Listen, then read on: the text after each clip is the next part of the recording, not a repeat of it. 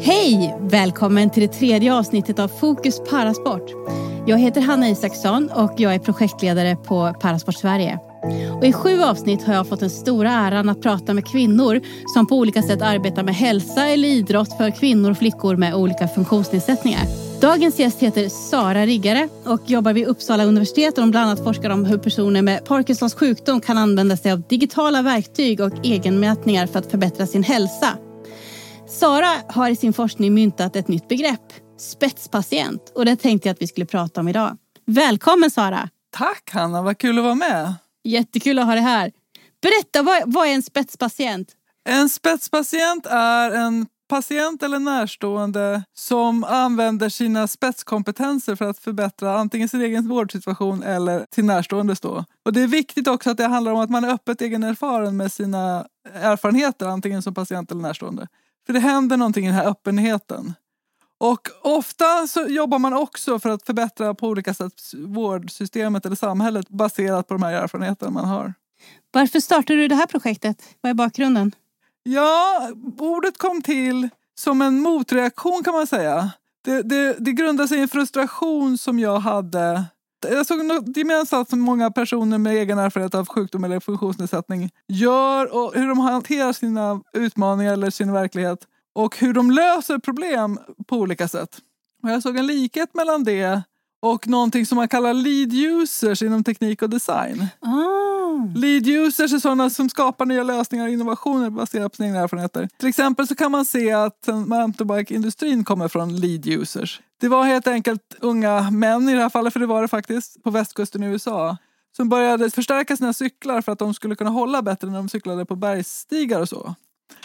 Och då, de la grunden då till hela den här mångmiljardindustrin som nu mountainbike-industrin är. Och då såg jag likheter mellan det man gör då, man, man löser sina egna behov med lösningar som man hanterar själv och det som patienterna gör. Och då började jag fundera på vad heter då lead user på svenska? Och då heter det spetsanvändare. Ah. Och så bytte jag ut användare mot patient och så var ordet fött. Hur kommer det sig att du ens skapade det här och att du började i den här branschen så att säga?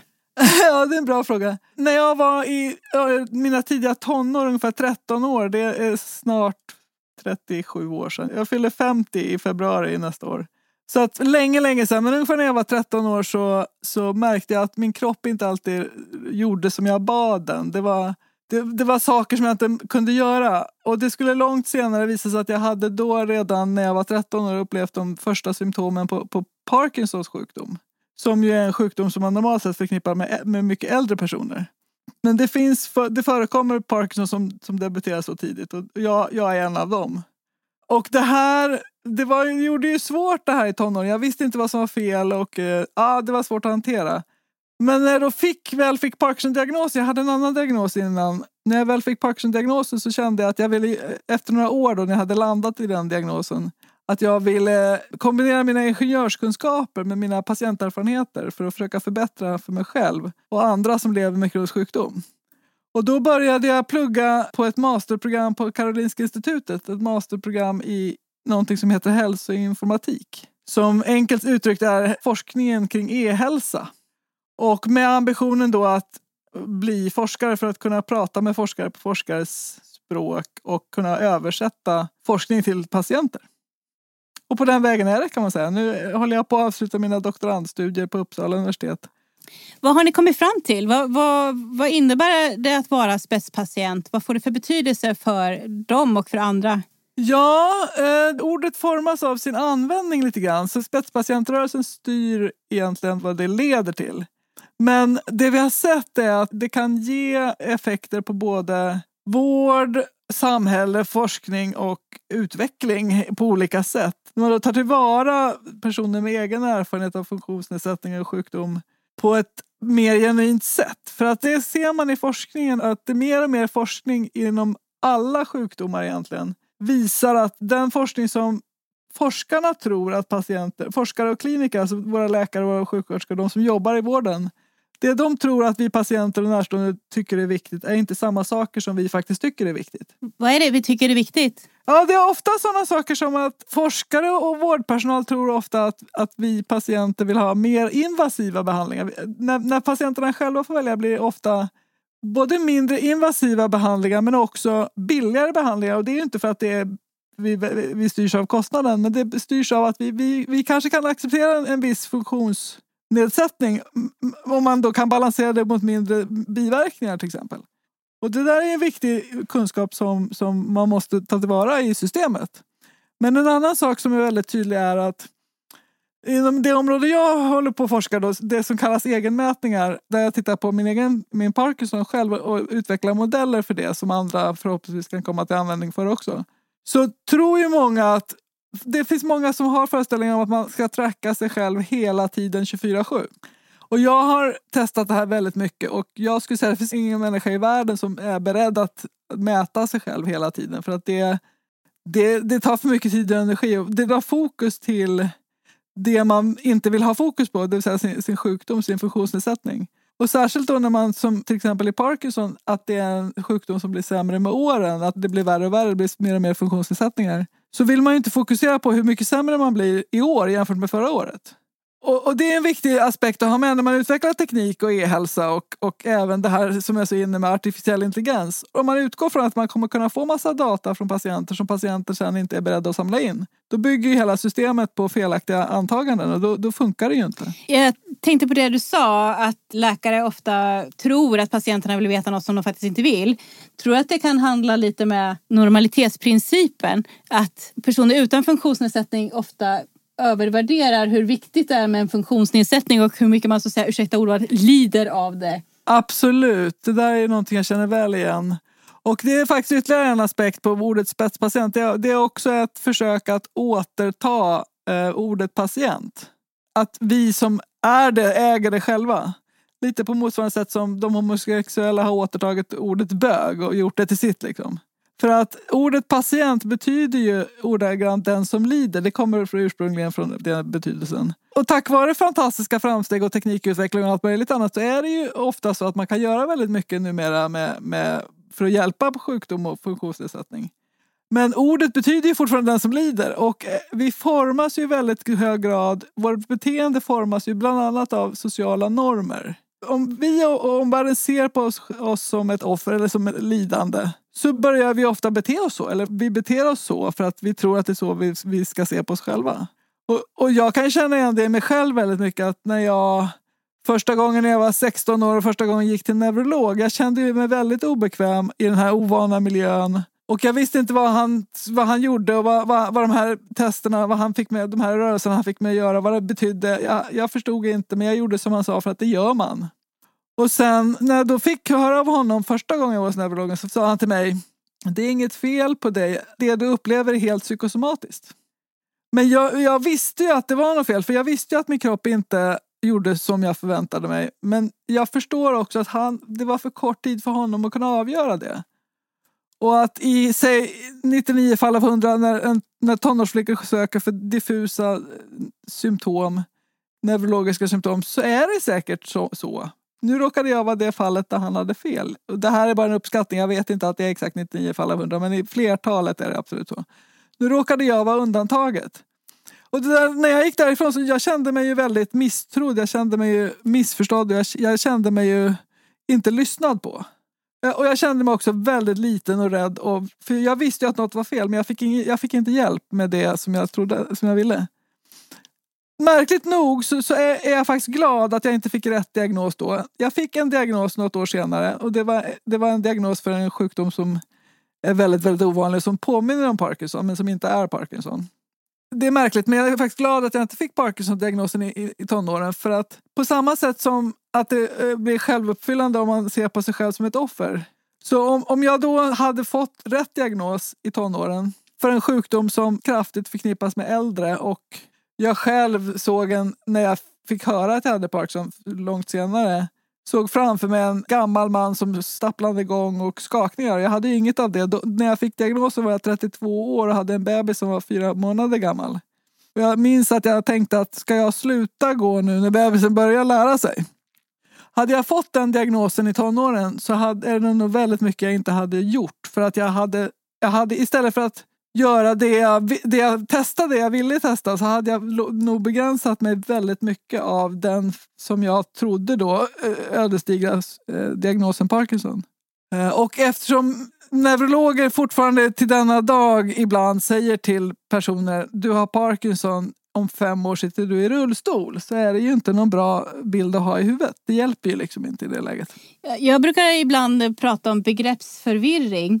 Att allmänheten rätt ofta har en bild av personer med funktionsnedsättning men så blandar de in en massa andra begrepp också. Sjuk, svag, hjälplös, offer. Och att det här bidrar till en osund självbild. Du och jag har ju lite olika förutsättningar men jag har ju en funktionsnedsättning men jag är inte sjuk. Du har en sjukdom men du är inte svag och du är inte hjälplös. Absolut, men jag har absolut också en funktionsnedsättning som, som då ökar med tiden. Men som jag kan hålla stången ganska bra med mediciner. Jag håller helt med dig om det, att det finns en begreppsförvirring i det här. Och folk lägger ofta in sina egna föreställningar om hur det skulle vara om de själva var i den situationen i, i sin värdering av, av oss. Fruktansvärt och outhärdligt. Eh, det finns också ett annat extremfall. Det är det här att man ser som en, en förebild och en inspiration. Och det kan man också bli trött av. Men det är kanske är ett annat program, jag vet inte. Det jag tänker är, när jag första gången var på en eh, intensiv rehabiliteringsvecka för min Parkinson, jag tror att det var 2008 eller 2007, någonstans där. Och då fick jag för första gången träffa andra i en väldigt gynnsam miljö, andra med Parkinson. Och det kombineras också med lärande om sjukdomen och medicineringen och andra behandlingar. Väldigt, väldigt givande. När jag kom tillbaka från den veckan så kände jag mig helt som en ny människa. Både för att jag såklart var fysiskt starkare men kanske framför allt för att jag hade fått kunskap och var liksom mer självgående i hur jag skulle kunna hantera min framtid. Det blev starten för, på något väldigt spännande för mig. Det där, det, det där var, var verkligen avgörande för min vidare resa med Parkinson. Jag fick ett framtidshopp som jag inte hade haft tidigare.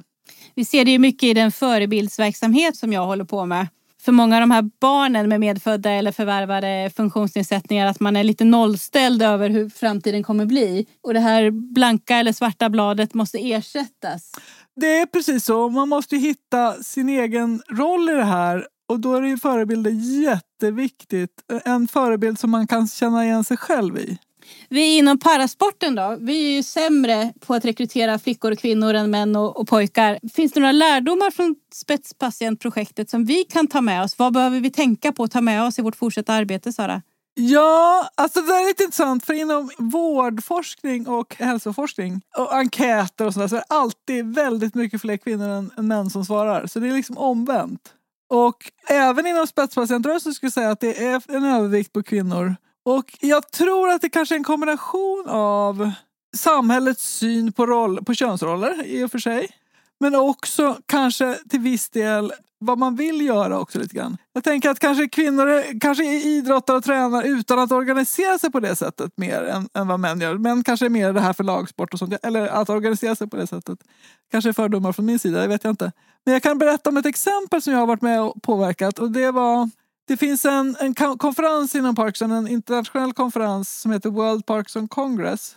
Som är den enda vetenskapliga kongress inom Parkinson som aktivt inbjuder alla intressenter, det vill säga också patienter och närstående.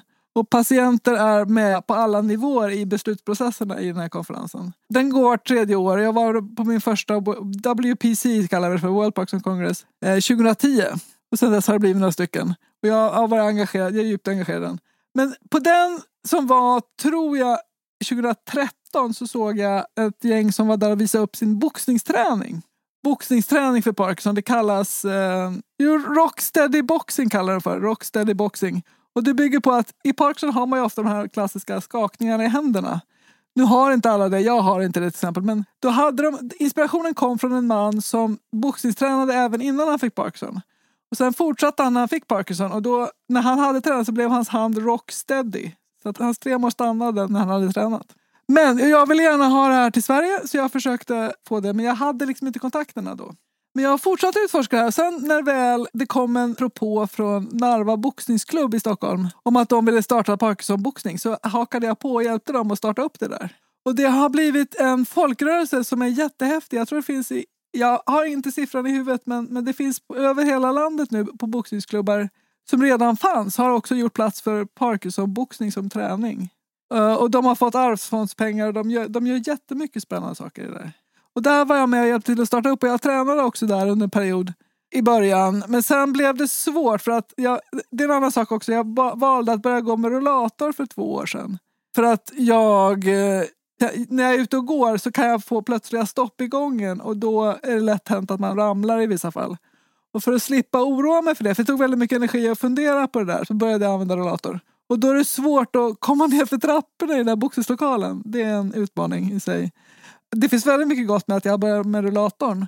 En sak är att jag orkar gå väldigt mycket längre än jag gjorde när jag gick med käpp. Jag går mycket mer upprätt och jag, jag, lägger inte alls någon energi på att oroa mig som gick jättemycket energi för tidigare som jag inte tänkte på att jag la på det. Och också att jag, att jag orkar gå även när jag är trött, att jag kan fortsätta. Det gjorde jag inte tidigare. Jag vet att du har pratat mycket om det här att lägga sin energi på rätt saker, det man verkligen vill göra. Ja, det är jätteviktigt. Det är jag säker på att du också tänker på mycket, Hanna. Hela tiden.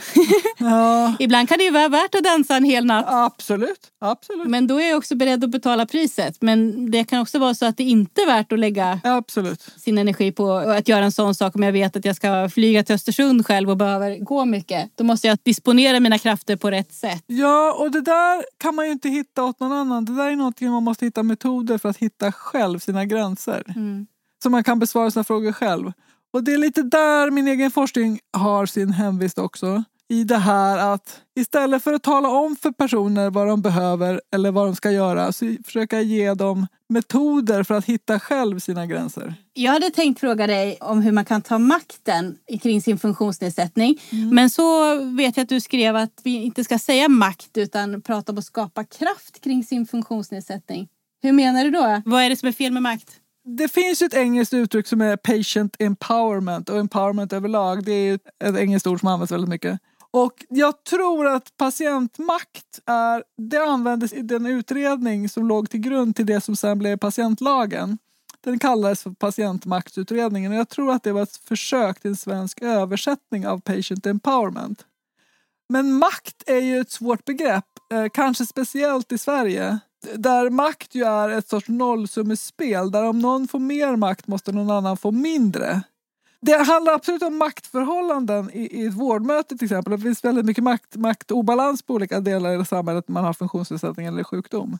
Men att prata om att man ska ha patientmakt, jag försöker undvika det. Jag gjorde det men jag kom på att om man tänker att ordet power kan ju betyda både makt men också kraft. Och där tycker jag att kraft är ett mycket mer positivt begrepp och om man pratar om kraft så är det något som fler kan dela istället. Så jag brukar prata om patientkraft istället för om patientmakt. Hur skapar vi patientkraft? Ja, ett sätt är ju just att jobba med självbild. Som jag berättade tidigare så jag var, var rädd och, och ensam patient när jag lämnade neurologkliniken den där gången för länge sedan. Men tack vare att jag har lärt mig att det finns så mycket jag kan göra själv och att jag har lärt mig att hitta metoder för att agera inom mina egna ramar så har jag ju byggt upp en egen tilltro till min egen förmåga, det man pratar om self-efficacy, som också är ett annat svåröversatt begrepp. Så att jag har ju gått från att vara en rädd och osäker patient till att vara nu en stolt spetspatient där jag är stolt över vad jag har åstadkommit och åstadkommer varje dag. Inte egentligen tack vare vården utan egentligen trots vårdens försök att hjälpa mig men också trots det jag själv lever med. Att jag, att jag kan hantera det och att jag kan göra så mycket som jag gör fastän jag har de svårigheter jag har. Jag, det är jag väldigt stolt över. Det ska det verkligen vara. Jag är beteendevetare i botten så self-efficiency är något jag petat i väldigt mycket. Men kan du för, berätta lite för våra nya lyssnare. Hur skapar vi det hos människor? Hur ökar man graden av tilltro till sin egen förmåga? Ja, det finns ju många modeller för det här men en som man kan prata om är en, en vi som människor har ju väldigt starka drivkrafter att vara i sociala sammanhang, att känna oss behövda och att känna att vi har förmågor, att vi har en, en, en kompetens för oss själva. Det mår vi ju bra av i olika grad för olika människor, för vi är ändå individer. Jag brukar också prata om, eh, det gjorde jag för länge sedan faktiskt, jag använde ett begrepp, det här man brukar prata om eh, comfort zone, sin bekvämlighetszon. Och jag brukar beskriva som att om man bara befinner sig i sin bekvämlighetszon, då krymper den. Om man, om man bara alltid håller sig innanför det som känns tryggt och inte utmanar sina förmågor. Då krymper bekvämlighetszonen, den blir mindre och mindre. Men om man, befinner, om man går för långt ut, om man utmanar sig för mycket så att man misslyckas, då är man ute i fear zone. Men alltså i då skräckzonen. Och då kan det bli, gå för långt och då drar man sig kanske tillbaka som en snigel i sitt skal. Men om man får hjälp att utmana sig själv lagom mycket i sin modzon, skulle man kunna säga, när man liksom ökar sitt mod. Gärna med hjälp av en förebildscoach eller någon mentor eller någon som har egna möjligheter att stötta på olika sätt. Då ökar man sin bekvämlighetszon och då kan man mer och mer och då får man mer tilltro till sin egen förmåga. Spännande. Nu kan jag inte låta bli genast att koppla till att vi måste se till att vi lägger aktiviteter på alla olika nivåer. Absolut, exakt. Det måste passa för alla.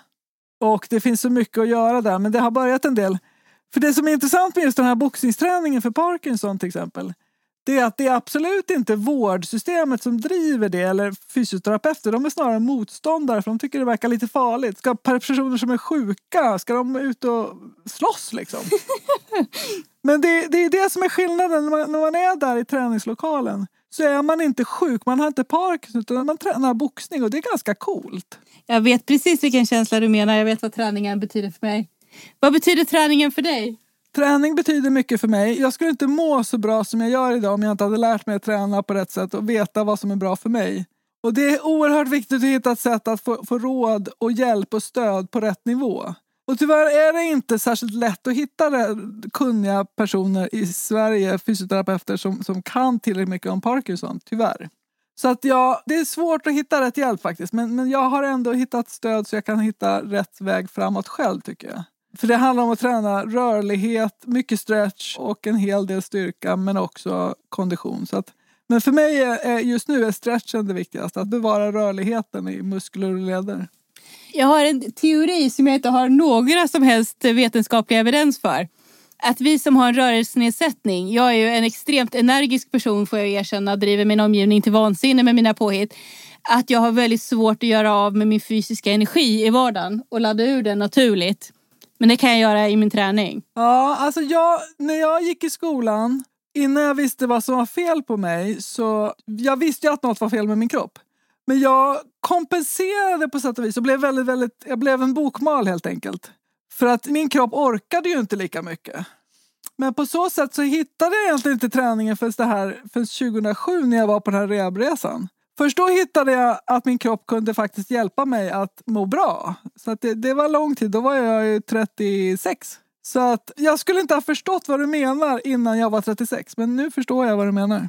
Det är en häftig känsla. Mm. Jag önskar att alla fick uppleva den. Absolut. Tack så mycket Sara. Vad jätteroligt att du ville vara med. Tack så mycket. Ja, men tack att jag fick vara med. Det var väldigt, väldigt roligt. Det, här, det är så spännande att prata om de här sakerna med personer som kan så mycket och som har tänkt så väldigt mycket på de här sakerna. Tack, vad roligt att höra. Innan vi avslutar för idag. Om du fick önska, vilken förändring skulle du vilja att vi gjorde som tog ett stort steg framåt inom din forskning? Det skulle vara att hitta nya sätt att låta patienter bejaka sina forskningsintressen. Att helt enkelt kunna bli fler patientforskare som samlas och byter erfarenheter med varandra. Både i forskningsområden men också för att förbättra samhället och vård och hela systemet för oss alla. Tack så mycket.